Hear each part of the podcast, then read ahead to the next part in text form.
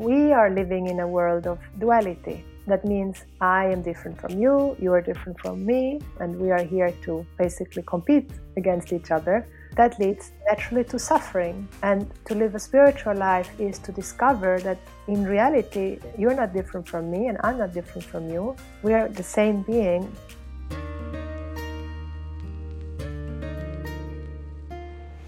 Jag heter Josefin Turesson Kämpe och i den här podden får du följa med mig när jag letar rätt på visdomen som gömmer sig bland oss. Mitt mål är att gå till botten med de där djupare frågorna som vi alla innerst inne bär på. Vad är meningen med livet? Vad är roten till våra samhällsproblem?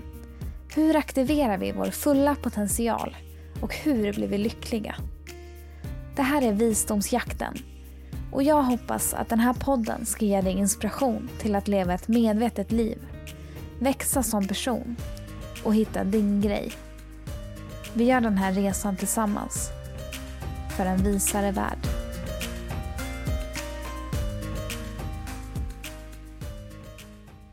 Den här gången så får ni möta Sharada.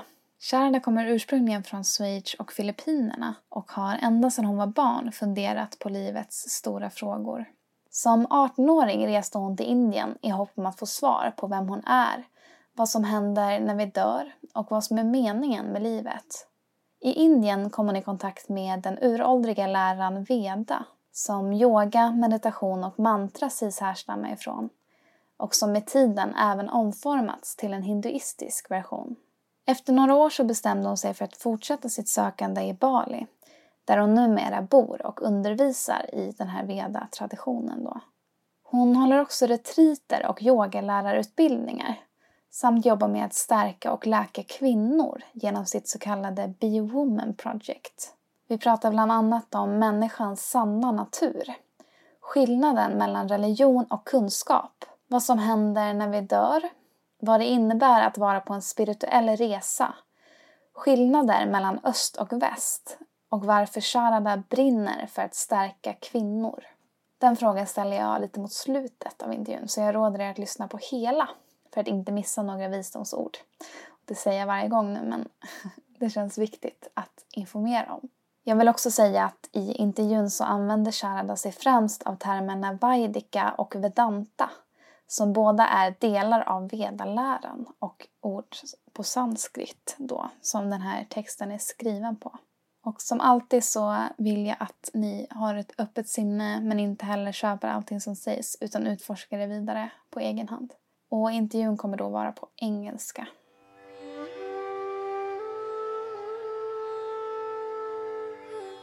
Now I sit here with Sharada Vaidika who lives in Bali. Is that the right way to pronounce it? Sharada Vaidika? Yes, it's Sharada. it's Sharada. Yes. ah, okay. Uh, and I was wondering about your last name, like Vaidika. That's also the thing you teach, right? Yes. So Vaidika is not really my last name. Vaidika is the teaching, the Vaidika teachings. So it just happened to be like that in my profile.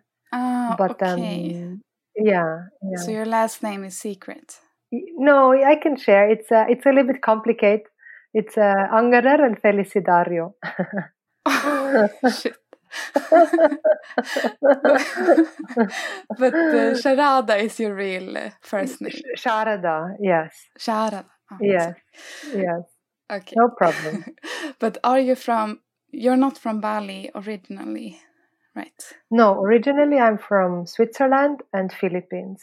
Okay. Yes. So how did you end up in Bali? I I was very deeply seeking answers to life, and I wanted to live a spiritual life, which at that time I didn't really know what it meant, but uh, I wanted to have meaning and purpose in my life. And I heard of Bali that it's a, um, a magical island, it's a, a spiritual island, and I was very fascinated with what I heard about Bali. That's basically what me brought to Bali. Yeah. Mm. In what way was it magical and spiritual? Well, Bali is a, a Vaidika culture, So that's what I now also teach after living in a Vaidika culture for many years. What is magical about is that here in Bali, life is looked upon as sacred and life is looked upon as an offering. Maybe it's known that Bali does a lot of offerings, real offerings with flowers and with incense, and they do that to give their gratitude for life itself. So every day they do offerings in the morning, at around lunchtime, in the evenings, and at many different other occasions throughout the week or at different occasions throughout the months and year, there are ceremonies that take place. And the daily offerings are for, yeah, for giving one's gratitude for life itself, that we have been given another life, another day to live. And in that way, they say, look, I don't take you for granted. I don't take my life for granted. And then there are many different occasional ceremonies, like when there's full moon or when there's new moon or when there are different specific auspicious moments in the calendar. Mm. So just as Bali really lives in a way that is a participation mystique, it's a participation. So everybody is participating and contributing to a, a sacred symbiosis to create balance and harmony so they're understanding that also their life so it's not only the daily offerings but it's also their job their family being a householder being a mother or father or having a business all of that is looked upon as an offering like i do this to create harmony mm. yeah and so the society is based on contribution it's not a society based on competition and just taking whatever i want mm, like the western yeah. or yeah. yeah. but I was wondering what you said about offering, like like also being a dad or uh, having a business. Yeah. In what way? What is it that you offer? Is it like your work or? Yes. So it's basically your work. So in Bali, we look upon what we have been given. So even the body or the skills, like your knowledge, if you're a doctor mm-hmm. or if you are a painter or accountant or one who has a tourism hotel like all of those skills like that skill has been given. It's not my skill. Like i've learned it i've picked it up. And so those skills are given. And so then when i work or when i have my business then the work itself is an offering. Mm. so it, the work itself is really for the purpose of spiritual growth. So um, I do it so that I can grow spiritually. And what does that mean? No, it's it's a big term, mm. spiritual, but it's it's not actually a big term. It's actually very simple and very deep. People make it much more bigger mm. than what it is. but really, what it means when we use the word spirituality, it means that in reality there is only one whole, complete being. So that in reality there is only one being one complete whole being that then manifests as this whole universe, as every person, as every animal, as all the skills that have been given. And so it's, it's a participation mystique. So we are living in a world of duality. That means I am different from you, you are different from me, and we have become competitors. We compare ourselves to each other. And as soon as we compare, then there's suffering and pain. Like there's always going to be something that I lack or I don't have. Mm. And so when I lived my life through that vision, through those glasses of duality, through the glasses of you are different from me and I'm different from you, and we are here to basically compete against each other, that leads naturally to suffering. It's a natural path to suffering. And to live a spiritual life is to discover that in reality, you're not different from me and I'm not different from you. We are the one sacred being. We are the same being, but we have different skills. We maybe have different looks. Maybe we have different surroundings, different knowledge. But just because we have a different knowledge or skills, that doesn't make us different in essence. Mm. Uh, so the Vaidika culture teaching has beautiful examples that help us understand this reality. One of the examples that I really love is the golden ornaments. So if you have a golden ornament, like you have, for example, an earring or a necklace, right? So you have an ear ring, a ring that is made of gold. And you have a necklace that is also made of gold. And so if you compare the earring to the necklace, yeah, there are two different items. Like one is a ring and one is a necklace, and they look different. They have different names. They have different functions. One is to put around your neck, the other is to put on your ear. But if we look at it, what it really is, what is the earring? What is the necklace? It's nothing but gold. So if you go from the standpoint of gold, there is no division between the ring and the necklace. There's only gold. Mm. And so we, the whole world lives in this idea that I am a necklace and the other person is an earring. in, it sounds very, right? But but it, that's the truth. It's basically like that. We're billions and billions of different ornaments. One is a bangle, the other is a necklace, the other is a ring, the other is a foot ring. It's different names, different form, different function, but really in and through, it's nothing but gold. So from the standpoint of gold, there is no division, there is no difference. Mm. And so that's really the when we talk about living a spiritual life, it's to rest in that vision, in that knowledge. I am gold and you're also gold. And so in essence, there's nothing different between us. Mm. Uh, it's so interesting. Uh, because this concept I've heard a lot also in a lot of different religions and spiritual practices. Mm-hmm. But it's hard to understand it from the head. Yeah. like what I'm here and you're there and ah it's hard to understand it like Yes. But what was it that made you realize it? Um well wouldn't you say like when you hear the example is not that hard to understand mm. it makes sense for me it was like i knew that this is true like i knew it with all my heart but i didn't yet know exactly how mm. and so what it made me is really stay here in bali that's why i stayed basically for more than 10 years now to really study to really understand this uh, equation. It's called a Mahavakya. It's called a great sentence. It's an equation between two things that look different on each side, but then through understanding, you see, you get it basically. It's like 9 plus 1 is equal to 11 minus 1. Mm. It looks different on both sides, but through understanding, you can understand it. And so that's basically really spiritualizing one life. So for me, it was to stay in Bali, that's not going to be everybody's journey and it doesn't have to be like that but for me definitely it was that to stay here and be in a culture that is born with that vision even though maybe people don't also yet understand it and maybe can't explain it but they are born with that understanding like in reality mm. there's only one being you are me i'm you and we're all sacred sacred means really we're all whole and complete there's nothing profane there's nothing to be ashamed about being a human being or a sexual being. So that is kind of when you then are in this culture, like maybe people can't always explain, but you do pick it up. Like you pick up on a subtle level energetically. Oh, I can actually rest here. I don't need to be afraid.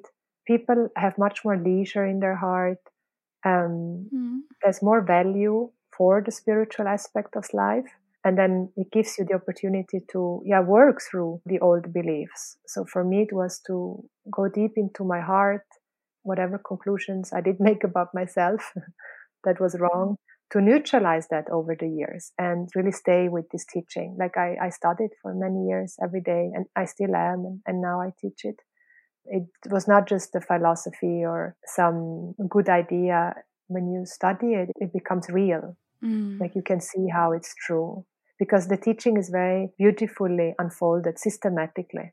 So it's exactly like when you want to learn an instrument or when you want to learn how to play tennis. Like you go to a tennis teacher, you get a tennis racket, uh, you go to the tennis court, and you basically practice every day. And it's the same here. You go to a teacher, you prepare yourself, and you put yourself into a surrounding where there's a value for that.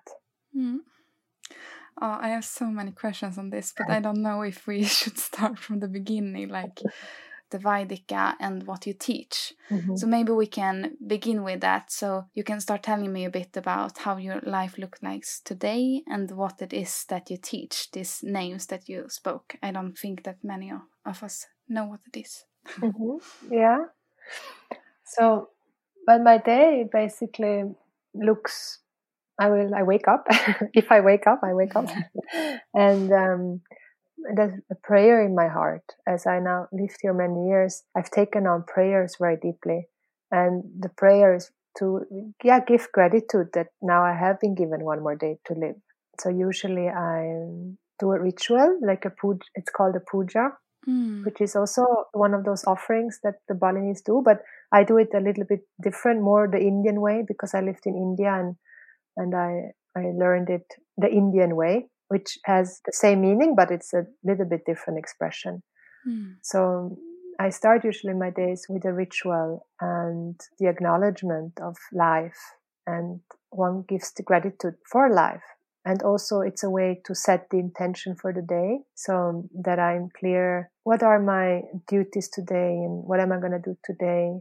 And also invoking for obstacles to be removed because there are so many obstacles that are there during the day. Like, like if you go to work and you have to catch a bus, that's not the case here in Bali. But for example, here it would be like I use the motorbike, and then suddenly the motorbike is not gonna turn on, mm. and but you need to be at a certain time at a certain place, so that any obstacle that could be there during the day that they are neutralized. So painful situations, basically, and to live life or the day basically more conscious, more deliberate in our Western culture, many people we live very unconscious and we're very mechanic.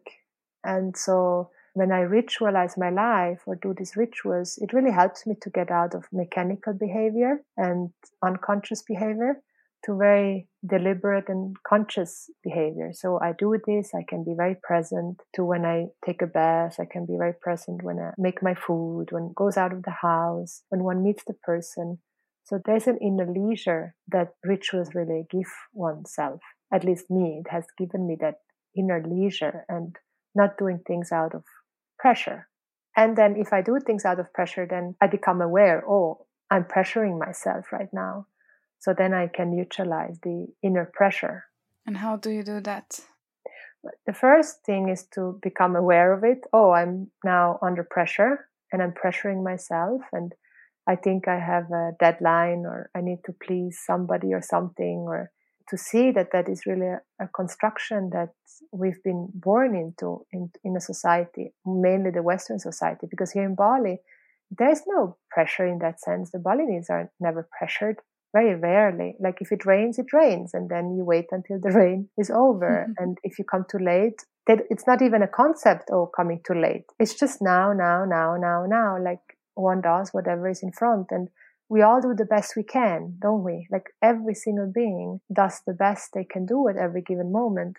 So if things go differently, it's not because we want it, it just happens. Mm. So for me, being from Switzerland originally, that was a very big uh, process to get out of the time frame and the punctuality. Like in Switzerland, everything has to be on time and you're almost judged if you're not on time. So I had that impression very deeply also. And over the years now, I neutralized it a lot because when we do things out of pressure, then is when accident incidents happen. That's when suddenly things get wrong. Like we make mistakes, which it's not wrong to make mistakes. We learn from mistakes. But when we do things out of leisure, then mistakes less happen and I can make choices very deliberately and be aware. Mm. So you also see here there's a lot of traffic here, but rarely accidents happens or incidents because Balinese are very present, and so they are just like dancing through the traffic. Like everybody's smiling when we're in the traffic. There's not nobody really? says swear words. Like there's nobody gonna say a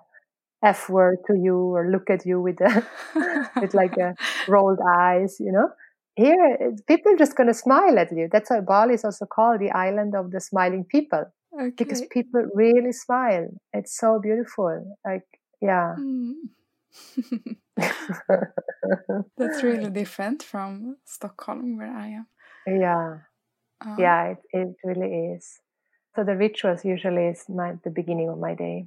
And then um, then you teach stuff. Yeah usually I, I i have my own studies in the morning Okay. Usually, I, I also go to class or have my own studies or prepare. I study for my classes basically. like I teach usually in the afternoon, but teaching for me is just another way of studying. So I, I deepen my understanding of the whole subject. And so you asked me what I teach. Um, it's called the Vaidika teachings. So uh, the whole yoga, mantra, meditation, tantra, satsang, all these words that are now a little bit popular, they really originated from the Veda. Mm. So Veda is a body of knowledge where all these teachings are contained and practices. And so Vaidika means that which is of the Veda. So yoga, mantra, tantra, meditations, basically that's what I teach based on this knowledge, bringing in the, the spiritual understanding of oneness. And then this teaching comes through in the rituals, the teachings come through in the mantras, the teachings come through in Sanskrit, which is the language in which this teaching is given, but now very much translated into other languages as well. Mm. But is it for religious, like Veda is a text from Hinduism, right? Yeah, the thing is, there's a little bit of misunderstanding. Okay. Because the word Hinduism is not even a Sanskrit word, actually. Mm-hmm. That is a made up word. So the word came into being when there was a Vaidika culture, like people who were living based on this understanding of oneness. They were living in a valley called Indus. Indus and then the people called them the Hindus. so mm. people who were living in a valley called Indus, then they were called the Hindus. And so that's where the word Hindu came from. Mm-hmm. So if you go into the Vedas, you don't find the word Hindu. It's not a Sanskrit word in that sense. So in the West, we do believe it to be a religion, but it really is not a religion. oh, okay. yes. When one starts to inquire into it. So what is it then? we say it's a body of knowledge. Mm. So what then we have to look into what's the difference between religion and knowledge. So religion is based on belief, and the belief is something that you cannot prove or disprove. Like you believe in something, and it's going to change subject further inquiry. But knowledge, it's not to believed like either it's true or it's not true. So knowledge is not going to change subject further inquiry. And how we can understand that is, for example, when we use our eyes to see, I have my computer now in front of me. I don't believe in the computer. Like I know this is a computer because my eyes are a means to know the computer. And so I don't mm. believe in the computer. I know here's a computer in front of me like in belief, it's speculations and it changes subject further inquiry. So here, when we talk about Hinduism, which is really Veda or Vaidika would be the correct term, or Sanatana Dharma. Sanatana Dharma means values that apply to all people at all times, universal values. Mm-hmm. Um, then that's not something to believe because you can prove it yourself to be true. And so, what is the Veda saying? It says that you are a whole and complete being in essence, that you are whole and complete. Mm. And it says that your being is really the being of this whole universe, it's the being of all beings. And maybe it feels like, oh, that that's something to believe or not to believe. But then when you actually use the teaching, like you study them and see how it makes you see that that is true, then you see that it's not a belief anymore because you are always present. Like you don't believe in your existence, do you? Like when I say mm. I am, I am, I exist. It's not a belief. I don't believe I exist. I don't doubt I exist. I, I know I am. And so that very presence of yourself is self evident. Like it's always evident to you. You're never not present. And so your very own existence is not a belief. That's a reality. And we say that your very own existence is really what is whole and complete. But the problem is, we, when I say my existence, we always think in terms of our body, our experiences, our knowledge. And the body and the experiences and the knowledge is limited. That is going to change subject further inquiry. But when you say I, the I that is actually always present, ever stable, that doesn't come and go. That is always here. And that ever stable presence is what we say is whole and complete and is sacred. Mm. And of course, there will be many debates on this, and um, um, but that's really the difference between belief and knowledge. That's why when you have the term Veda, which is the text of Hinduism, like the term Veda comes from the Sanskrit root root vid, and vid means to know. So it means knowledge. Mm. And so we have a big study on the difference between religions and knowledge and philosophies, which, yeah, is, is a big study when you enter, enter this. So that's also part of what I teach the difference between religions and, and knowledge. Mm, that's really interesting because when you search for wisdom, you often go to religions and see what they have in common and yeah. where can i find the answers and i know there's a big debate about religions and some religions i am also skeptical about like yeah. they have bad consequences yes me some. too uh, so uh, yeah. but i was a bit confused around this because you never use the word hinduism and uh, ah mm, exactly so because now there has been a religion there is a religion of hinduism but that it has changed so much from the original. Mm. It's like in Christianity, like in Buddhism, there are so many branches, and in all of them, there is a core that is very innocent and very real. But then it has developed into so many different branches, and then you have all the distorted versions like we have the distorted version of christianity we have different distorted versions maybe buddhism and same in in the Vaidika culture suddenly you have hinduism and then there's so much added so much added and it's a distorted vision a distorted understanding. Yeah. Mm. but the, the veda is that originally from india or who wrote it? Yeah that that's always a big that's always the question. Yeah this is hard for us i think to grasp for us western i mean um, it originated yes in india and we say that the rishis rishis is a sanskrit word for seer. Okay.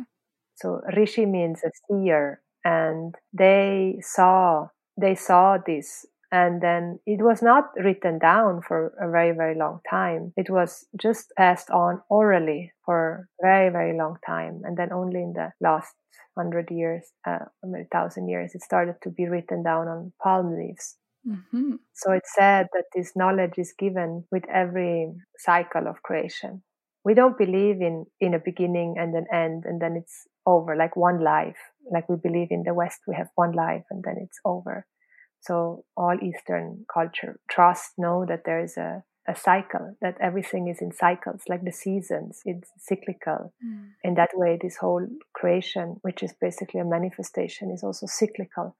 And so it said that this knowledge is given with every cycle of creation. And we don't negate that it's possible that this knowledge has been revealed in many different other countries before. Like that is all possible. But the thing is that all these other earth cultures and reverence for life and spirituality all has been eradicated. When we go back in history we see that the paganism and all the earth culture and in the amazons and in australia and all these wells of reverence towards life it just has been eradicated. It just has been wiped out like cruelly without any blink. Mm. and and so a lot of the ancient teachings are lost. Almost everything is, is really lost. It's very sad. And christianity really has come and done a lot a lot of damage. I mean i know there also the core of christianity is beautiful and also sees everything as sacred but then it has been mistranslated and abused and power abuse and then there's been a lot a lot of damage and so all these earth cultures in the Philippines, the earth culture is gone. Like it's nothing left. Mm. Um, in Indonesia, it's so much is eradicated. Um, Australia, Aborigines, the Amazona, the South, like they are all suffering terribly. And so they all had a sense of non-duality. Their nature is their mother and the sky is their father. And they were all very simple people, but simple doesn't mean dumb or stupid. Simple just means simple in terms of actually very deep. Like a deep person is actually a very simple person. mm, we make and what is a deep? Hmm? What is a deep person? A deep person is really one that understands that we are one being. Mm, okay. That nature is myself. That you and I are not two separate beings. There is a, a deep person has an understanding of the unseen aspect of life. Mm. mm I'm not saying that a, a person that does not have that understanding is not a deep person. That's not what I mean. But it can be understood like that. But uh, it doesn't. It's not black or white, of course. Mm. But you see, the Earth culture people, they are simple people, but very deep in terms of there's a oneness with life and nature, and we have lost that. Mm. And so um, the rishis, we say, from the Vedas have been the first one who saw and then passed on this teaching. And then those teachings have been written down into the four Vedas. So there are four Vedas Sama, Rigveda, Atharva, and um, Sama, Rigveda, Atharva. And um, yeah, it's not coming right now, but there are the four Vedas. ah, ah.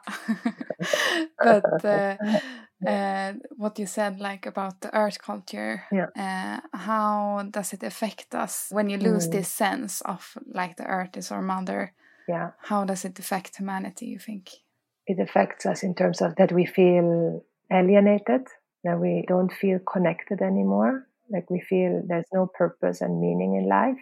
So it affects us in terms that many, many people feel very, very lonely, Mm. feel very depressed, and commit suicide, or commit suicide in a slow way through smoking or drinking, because we need to feel this emptiness or we need to occupy this pain with something the pain of, of not belonging, the pain of being an individual person alone in this whole universe. It's excruciating Mm.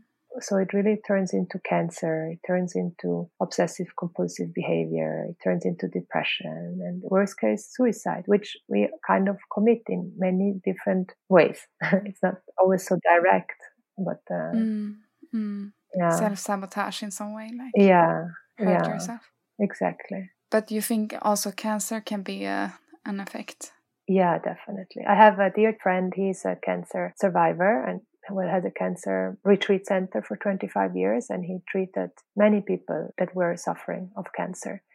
And he is very clear that um, cancer is a confused cell. So basically a cell that doesn't know what to be what to become. And that's basically what we are. Like we are all confused. We don't know what's the purpose of life. We don't know what we're supposed to do and we don't know what we're supposed to not do and our identity is so we have very unhealthy identities unhealthy egos. Our egos are not nourished anymore. Most of us we have a lot of self-judgment and don't like ourselves. And we can see that with the way we behave right? We, we go to the plastic surgeon and changing our hair once a week and needing to have straight and white teeth and like mm-hmm. it's it's just showing our mm-hmm. behavior you know going to the gym every single day for three hours and diets that we cannot gain one gram.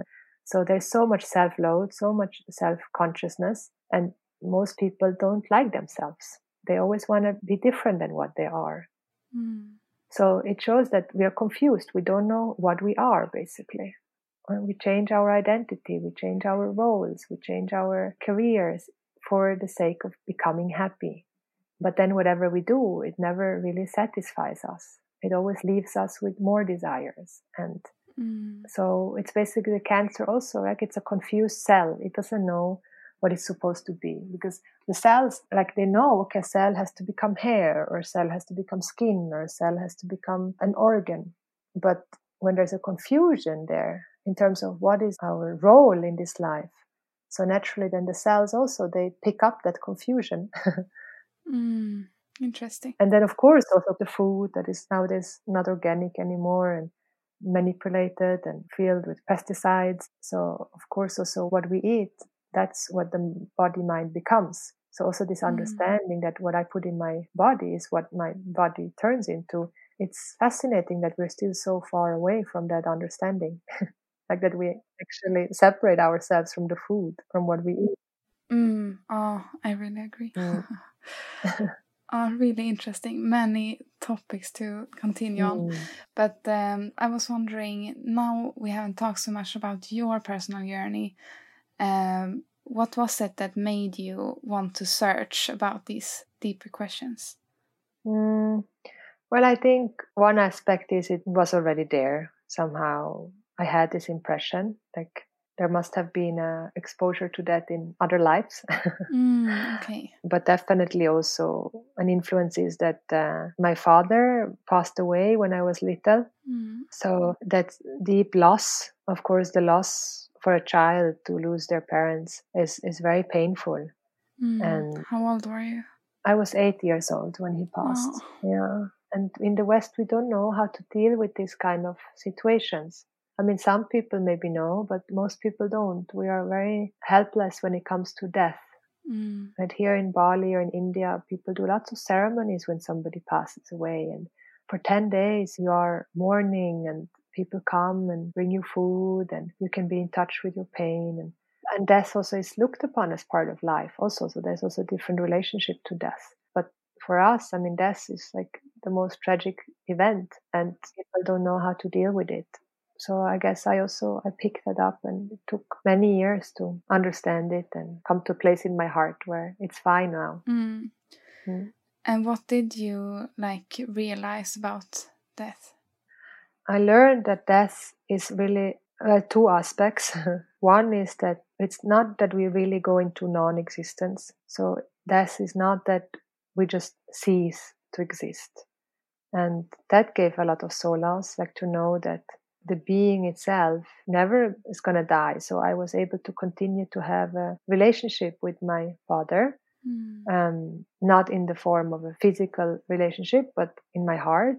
And for the emotional being, like for the undeveloped child in me, that was very important to be able for my psyche to heal that, like to have a continuous relationship with him so that my mind, my psyche could develop and grow. So for many years, I had a relationship with him as if he would have been still alive, which for many people, this sounds very absurd and maybe they would even laugh about it. But also in Jungian psychology and in Eastern tradition, this is very normal to have.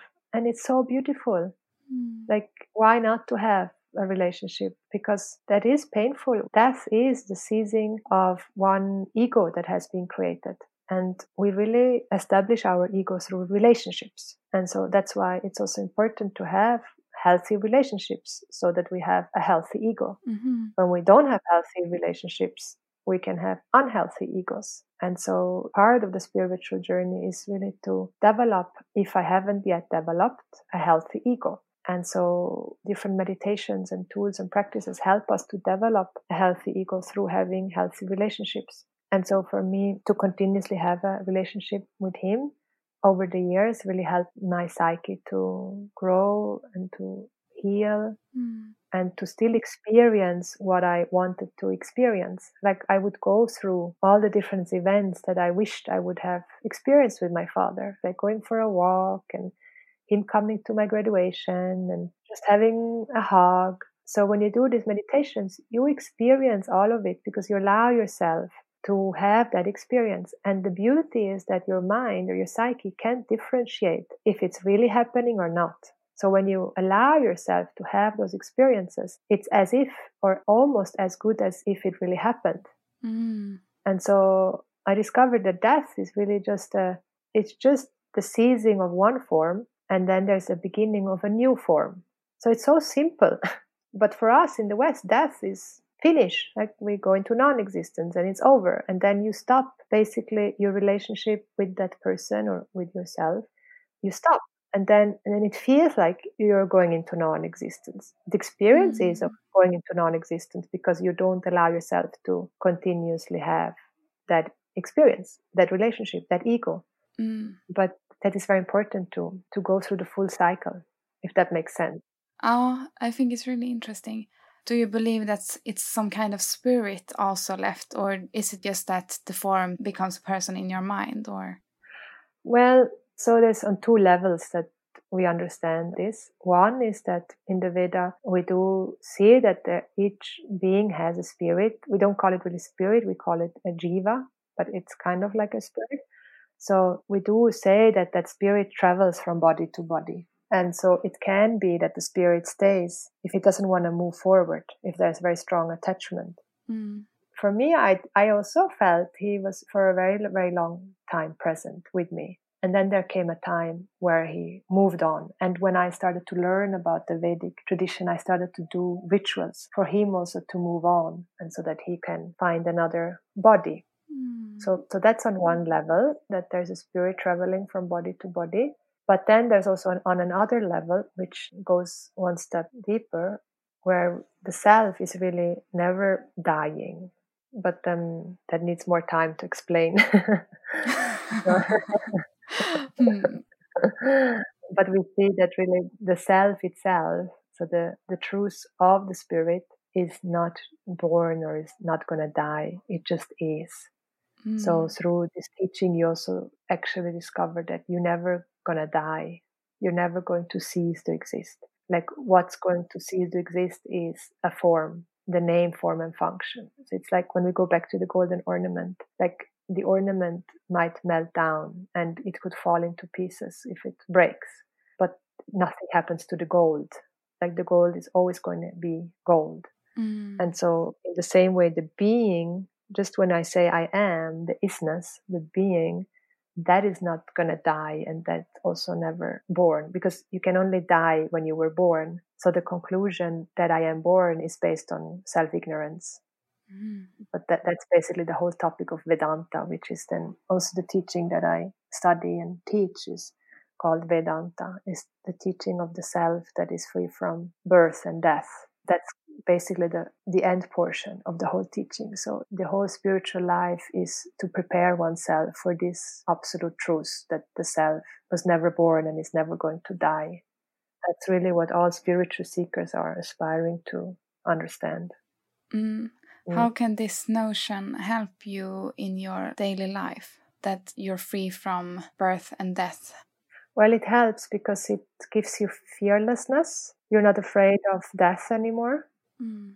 That when death comes, you know that it's not real. You're not really going to die. So it helps because everybody's going to die. Like all the relationships, your mother, your father, your sister, your brother, your partner, everything and everybody at one point is going to cease to exist the form and disease is is part of the order like if there's a body then there can be a headache if there's a belly then there's a bellyache there can be a broken leg we have a minds so there can be psychological issues.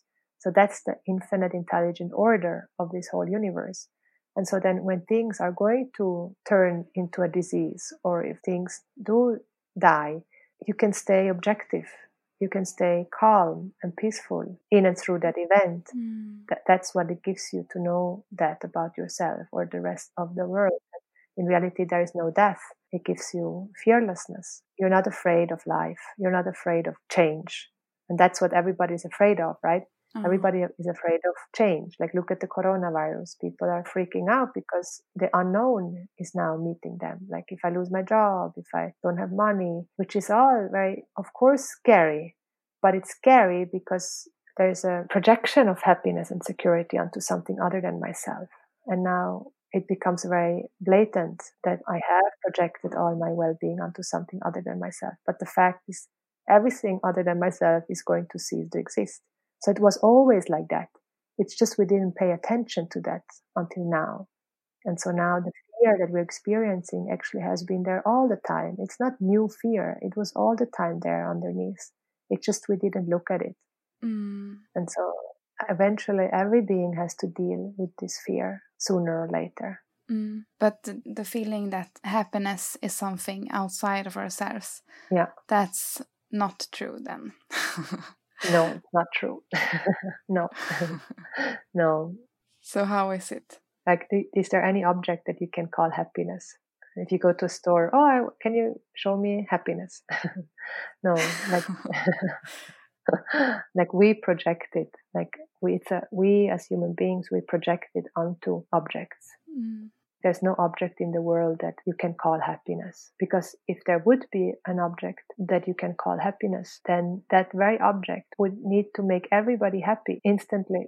If that by nature is happiness, then as soon as you put that object into the room, everybody has to become happy. Uh. But it's not like that. It's a few people become happy, a few people become sad, and the other people don't even care. it's really all a projection and Mm. it's because of self ignorance. We have projected happiness and security onto objects. There's no object or anything in this world that carries security or happiness. It's all in our minds. Like it's all a very interesting play going on. And how do you find it in yourself, like the happiness? Yeah. So you don't really find it in yourself. What you do is you discover that it is you, basically. It's not in our heart or in our lung or in our kidneys. it's, it is you. So the problem is you not knowing that you are whole and complete. Mm. You have made a judgment upon yourself that I am a limited person. I am this body. My body is subject to age, subject to disease, subject to change. It's subject to size, right? And we make a judgment upon it. So then I say, I am aging. I am fat. I am not flexible. And the same with our minds. Like I have identified with my body. I have identified with my mind. And so naturally, the body and the mind is limited. That's its nature. But I don't know that I am not limited. That is unknown to me. I don't know who I am. Mm. And so, not knowing what I am, I have made a conclusion that I am must be this body, I must be this mind, I must be my emotions. And that's why I suffer because I can never ever accept myself as a limited being. I can never accept my sad mind. I can never accept my angry mind. I hate it when I don't know something. I don't like when the body ages. And why is that?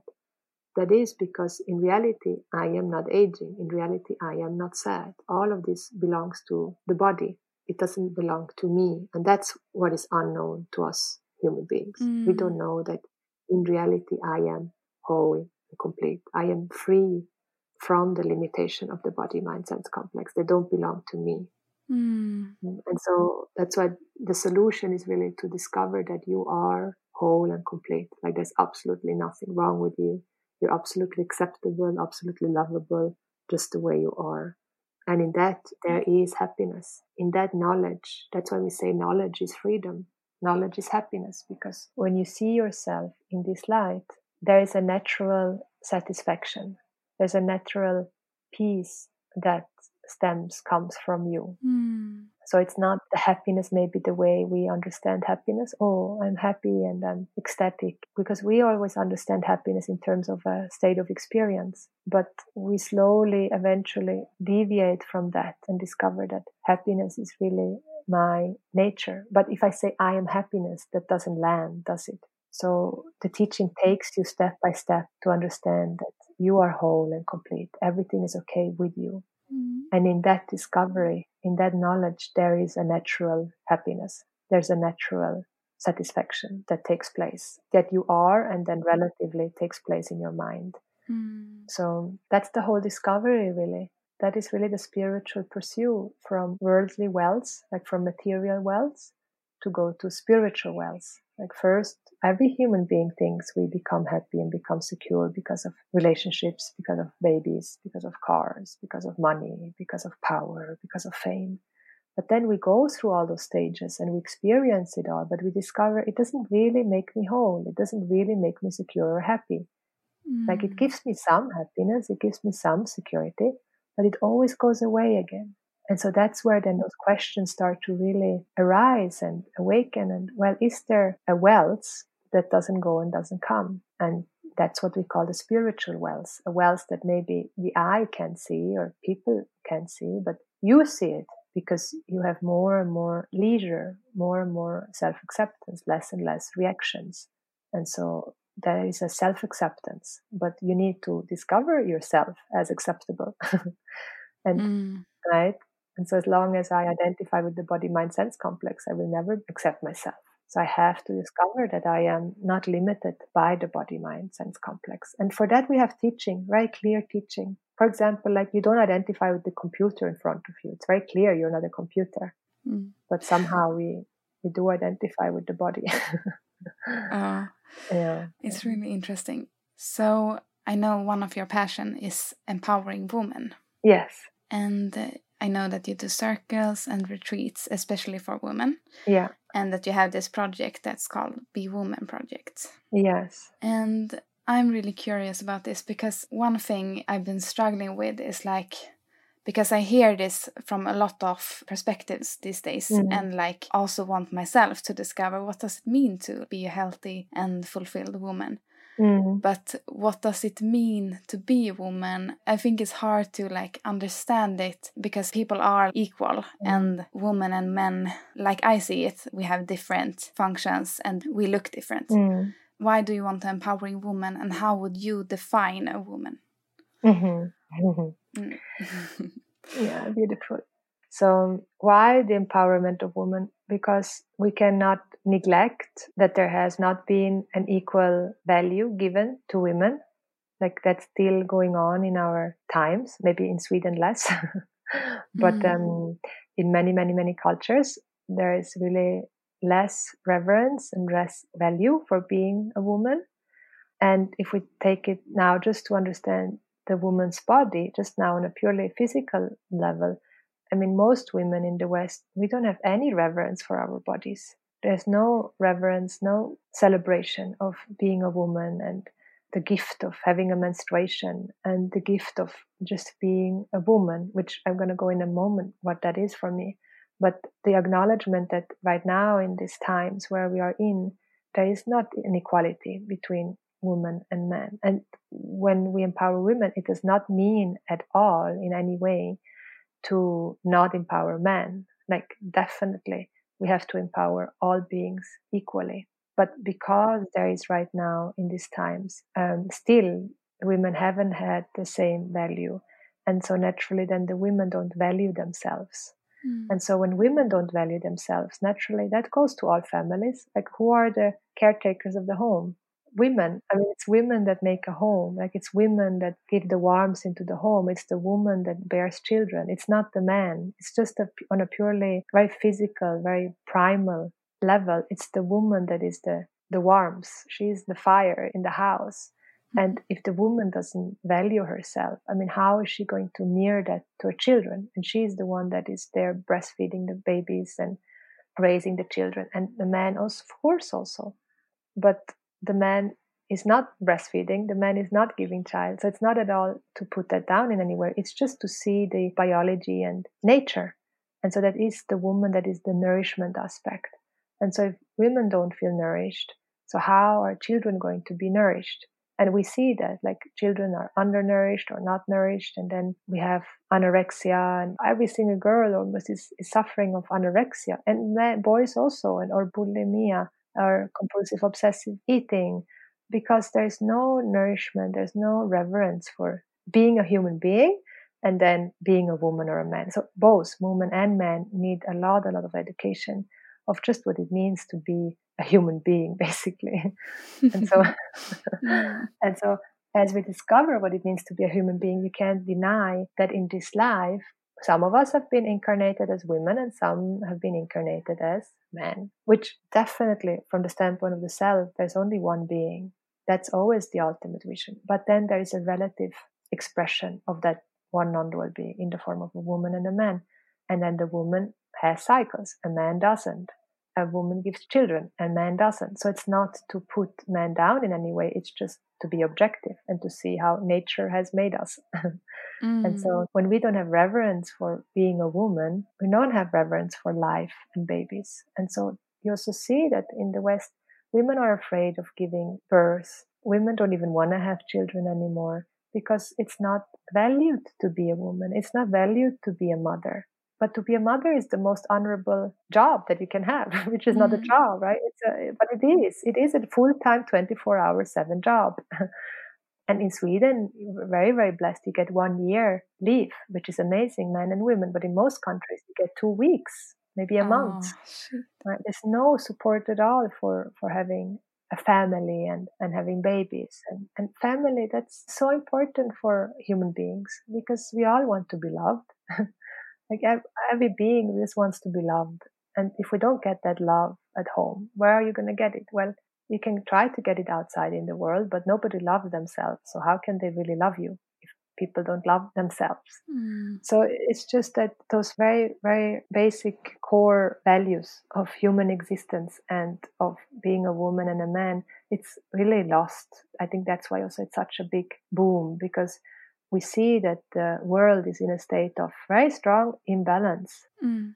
There's so much pain around the world. There's war, there's demonstrations, there's natural catastrophe, the climate change. Like now, nobody can say anymore, this is all just made up. Like nobody can say that anymore. It's like so Mm. clear in our face that there is so profound imbalance in this world. And by restoring the feminine, you bring back the balance. Like now we have to balance what has come out of balance. And now the rising of the feminine, it's not just woman as a woman's body. It's more the female or feminine qualities. And so what are the feminine qualities? It's the nourishment. It's the caretaking. It's the appreciation. It's the contribution. It's to have compassion. It's to have patience. Like all those qualities that are really, really needed. Mm. And so, course, women have to start with themselves. Like we women, all of us, most of us, we learn that to have a period is shameful. You put a tampon in your vulva and then you have to go and work. Like you have to pretend that nothing has happened. And Mm. you put a painkiller. And women don't want to have their period anymore. And in sex education, there's no healthy sex education. People get their education from pornography.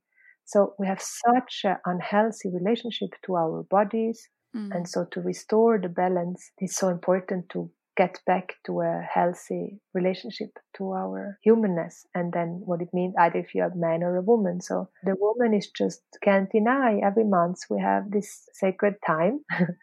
it's a sacred time, but it's not looked upon as a sacred time. I'm amazed. I teach so many women about cycles and how important it is to honor that and how unhealthy it is to be on contraception. It makes your whole health uh, goes into imbalance. Like it's so unhealthy for women to take contraception. So there's so much ignorance around all these topics.